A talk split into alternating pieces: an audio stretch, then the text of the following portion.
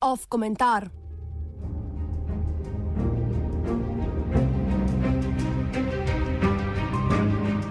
Pogovoriti se moramo o neustavnostih.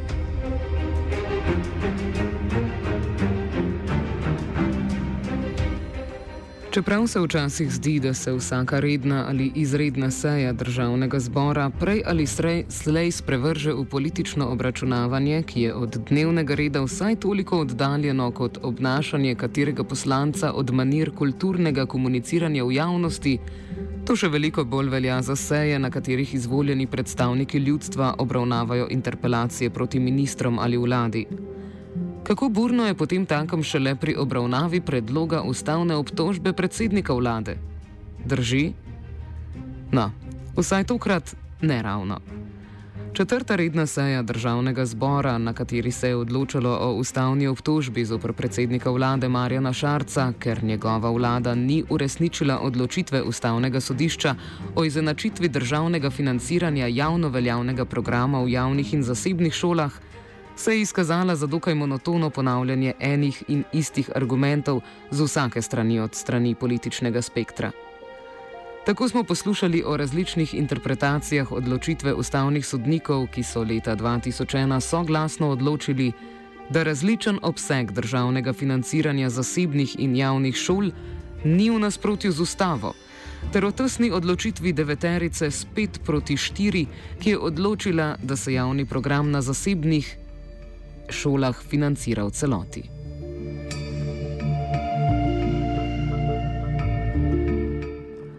A kljub temu je iz maratonskega zasedanja, ki se je končalo z zavrnitvijo ustavne obtožbe s 53 glasovi proti in 23 glasovi za, poslanci Nove Slovenije so se vzdržali, mogoče potegniti nekaj opažanj. Morda ne pretirano novih, vendarle pa takšnih, ki potrjujejo oziroma utrjujejo že znane vzorce in ki namigujejo, kaj lahko sledi v bližnji prihodnosti.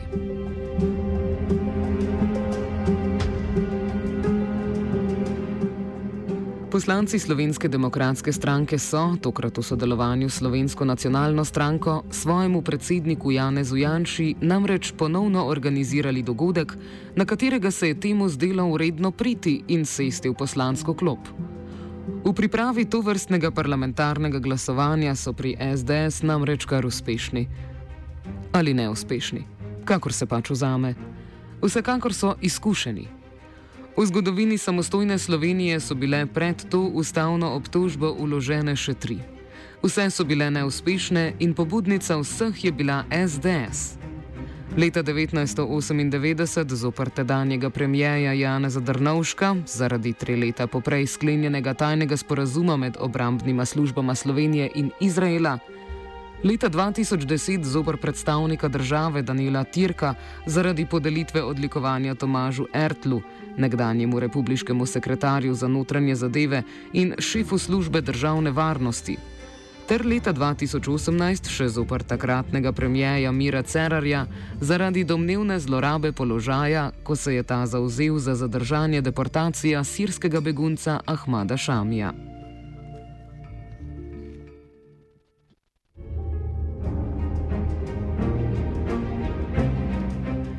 Če izuzamemo ustavno obtožbo za časa prejšnjega tisočletja, ugotovimo, da med preostalima dvema in tokratno obstajajo določene usporednice. Vse tri se dotikajo ideoloških tematik, ki so slovensko družbo razdvajale v danem trenutku. Udba, migracije, razmerje med javnim in zasebnim oziroma laičnim in crkvenim. Agenda SDS je torej jadranje na valu populizma, za kar pa morajo najprej poskrbeti, da zapiha z prave strani. Pri tem končni rezultat ustavne obtožbe pravzaprav ni pomemben. Važen je le spektakel, ki dviga rejtinge.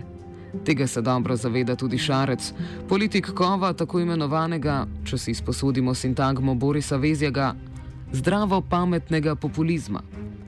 V svojem govoru, za katere daje občutek, da jih v javnost tempira premišljeno, je poudaril pomen javnega dobra in posvaril pred elitizmom.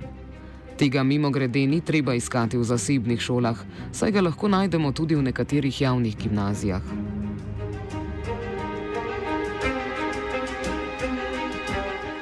Kakorkoli že, v vodnih nagovorih je bilo jasno, da je ustavna obtožba, ki jo je Šarec dobil na stoti dan dela vlade, kot prejšnje, tako isto obsojena na propad in pravzaprav sama sebi namen. Še tisto malo dostojanstva, kar je, je ostalo ob začetkih seje, je razblinil predsednik SNS Zmago Jelinčič, ki je kar neposredno povedal, da bi jo moral kasirati že prejšnji premijer Miro Cerar a da njega in njegovih takrat ni bilo v parlamentu.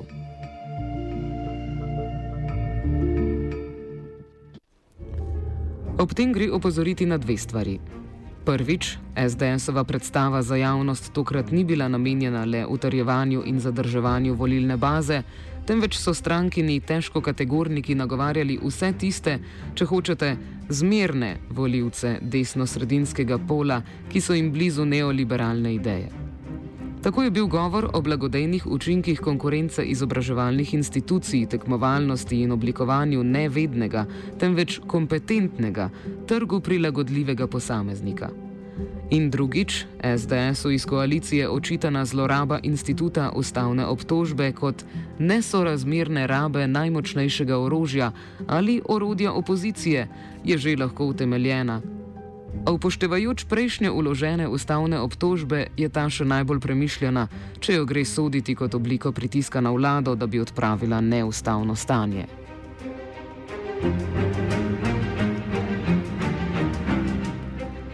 Zato izkrivljenosti forme, če kot formo razumemo odločitev za poseg po institutu ustavne obtožbe in manjka vsebine, tako z desne kot z leve ne gre podcenjevati. Nasprotno. Šarec je bil primoran ponoviti že prej dano zavezo, da bo odločbo ustavnega sodišča o financiranju javnega programa v zasebnih šolah uveljavil do začetka prihodnega šolskega leta, torej do 1. septembra letos. Za količenim rokom, do katerega bo morala vlada sprejeti potrebne zakonske ukrepe, se je postavil v položaj, v katerem bo kljub zdajšnji navidezni složnosti moral uskladiti različne poglede na šolstvo znotraj koalicije, katerih stranke so že v prejšnjem parlamentarnem sklicu želele delati vsaka po svoje. Obenem se bo za večino moral odpraviti po opozicijske glasove. Ker jih od levice brž čas ne bo dobil, ima toliko več možnosti pri Novi Sloveniji. Ta je spretno izkoristila nastali položaj, v katerem mora na eni strani predstavljati razloček od SDS, po drugi pa bo lahko zagovarjala in končno unovčila svoje interese pri sprejemanju zakonodaje, ko bo ta končno pred parlamentarnim glasovanjem.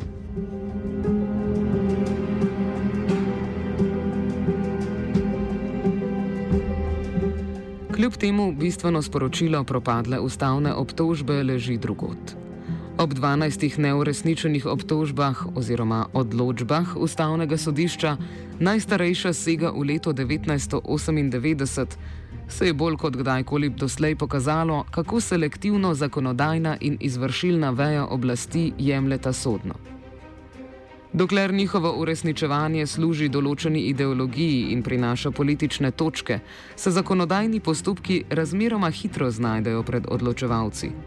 Ko pa politika, sicer polna besed o pravni državi, od uveljavljanja uredb sodišč nima kaj dosti, te pogosto obležijo v predaljih vladnih in parlamentarnih pisarn.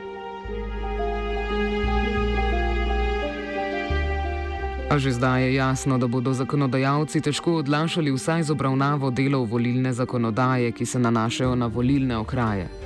Ker gre za preplet interesov zlasti etabliranih političnih strank, svoje bodo seveda predstavile tudi mlajše stranke, bo zanimivo vedeti, kakšen dialog bodo stranke vodile.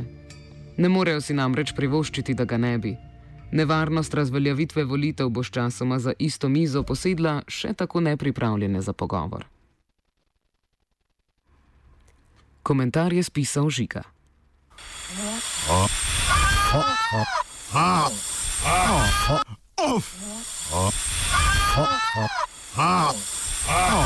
Off komentar.